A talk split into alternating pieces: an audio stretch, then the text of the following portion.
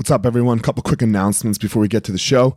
First of all, I have released my first online course. It is on my website, uh, elliottmarshall.com, how to be the champion of your life. So, the, some of the things that I do and that I have found helpful and useful in my life, not just how I start my day, but how I go through my day.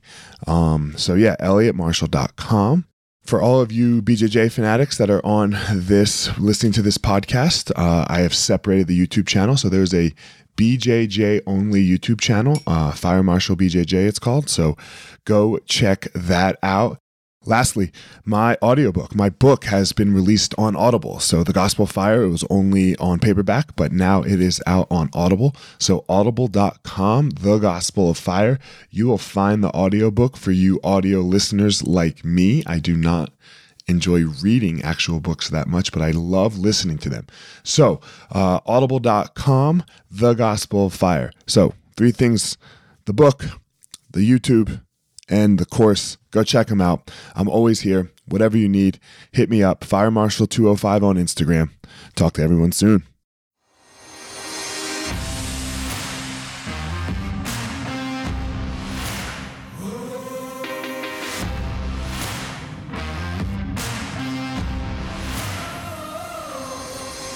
What's up, my ninjas? This is former UFC fighter Elliot Marshall, and this is the Gospel of Fire, where we are going to learn how to go into the fire so that we can find our power and live the best life possible.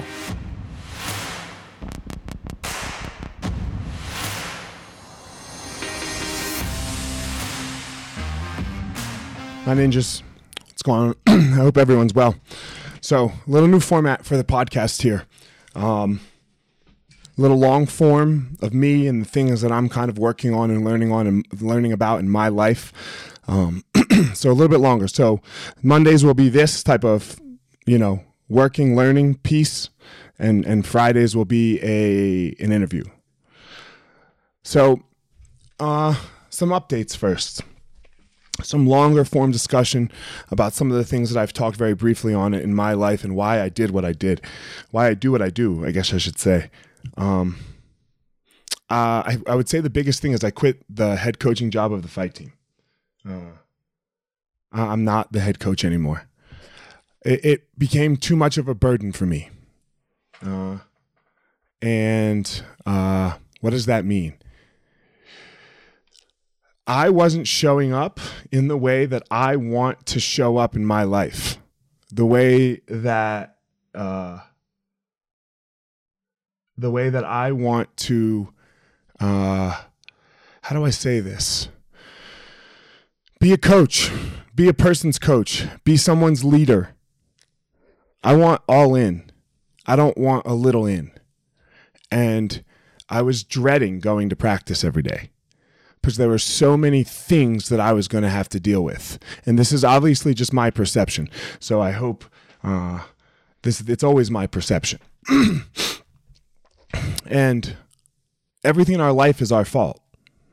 Sure, other people might do things, but I had to ask a, a question Who am I? And we're going to get to this more. Who am I in this in this place? And what was I going to do about it if I didn't like who I was?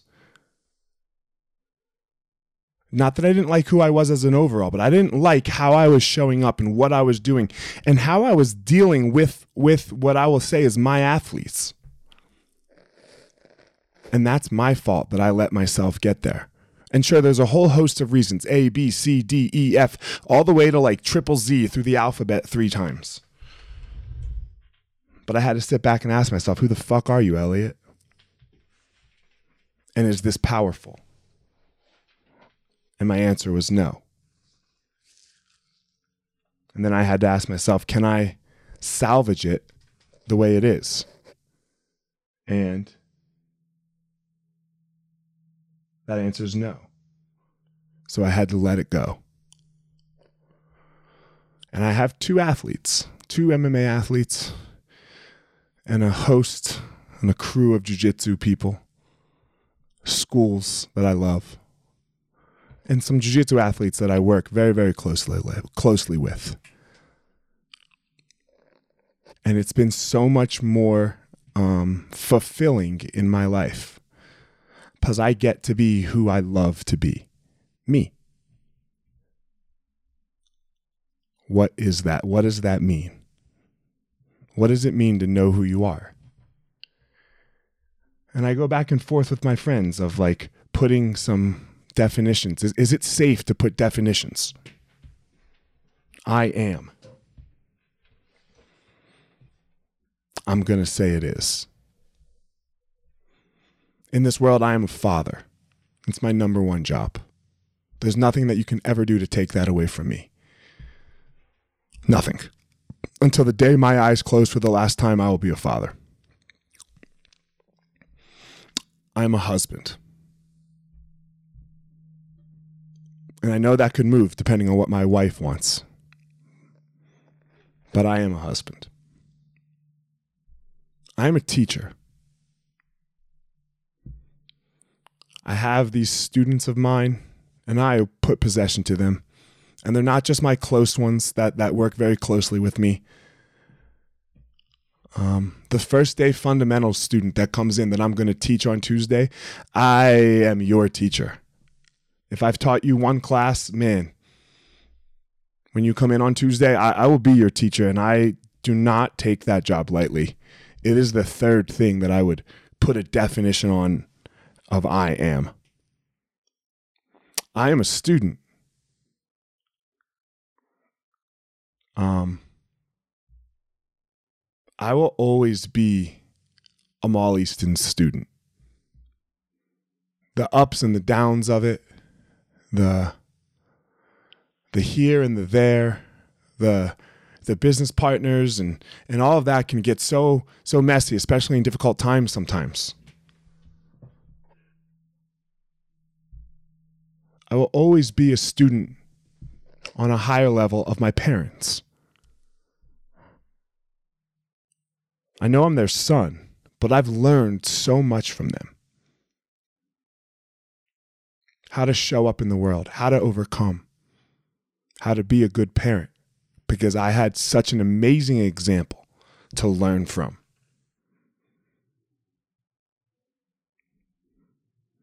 I'm a fighter. Yes. I definitely am a fighter. In in the in the literal sense, yes, I get into it. I, I fought, and I uh, I'll keep fighting.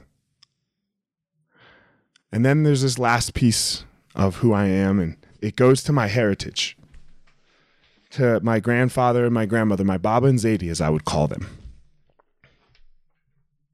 And I am a survivor. They have given me that gift of survival by telling me the stories and the history and the and the uh, the sacrifices that they made for me to be who I am and where I am today, and and teaching me those lessons of what true survival looks like.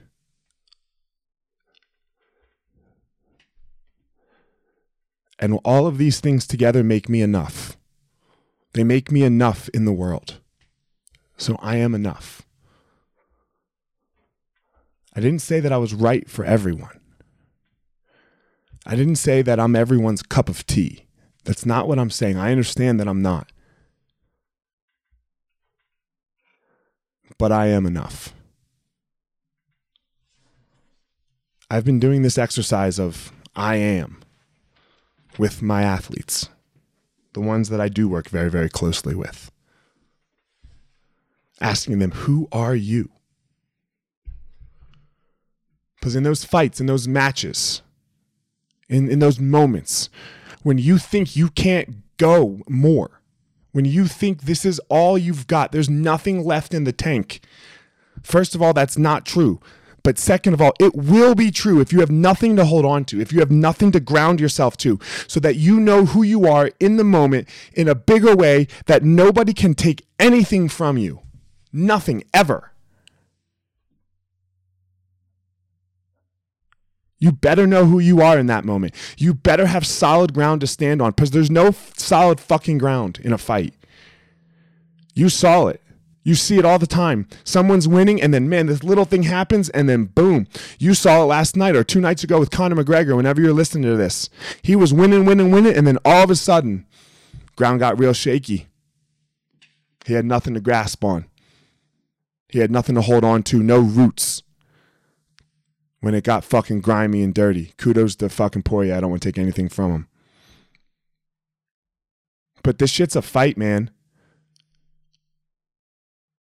and you, you you have to keep fighting we have to keep fighting you think this is simple for me you think this is simple for for people that are more successful and more skillful than me it's not simple you got to dig down know who you are hold on to something and then take one step Watch what it does. Watch what it does to you when you're in that mess, when you're in that chaos, and you just say, I am and you just start screaming it. You just start screaming it to the to the fucking world.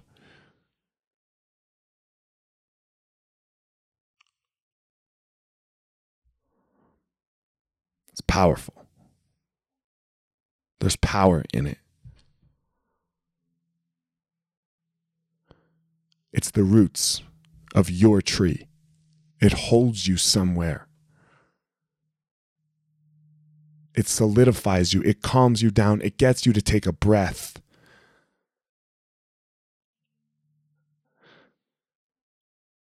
It allows it to pause for a second. It gives you some stillness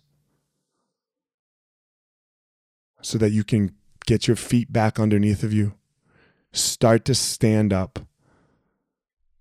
and go out there and find your real power, whatever that is. That thing that makes you so amazing.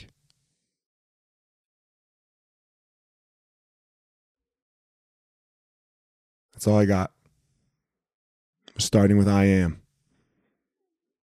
So I'm going to ask all of you email me, elliot at elliottmarshall.com, and tell me who you are. Find your power. All right, everyone, thanks for listening to this episode of The Gospel of Fire. If you enjoyed the episode, I'd love a review on iTunes or wherever you are listening to this podcast. Don't forget to follow me on social media at Fire Marshall 205.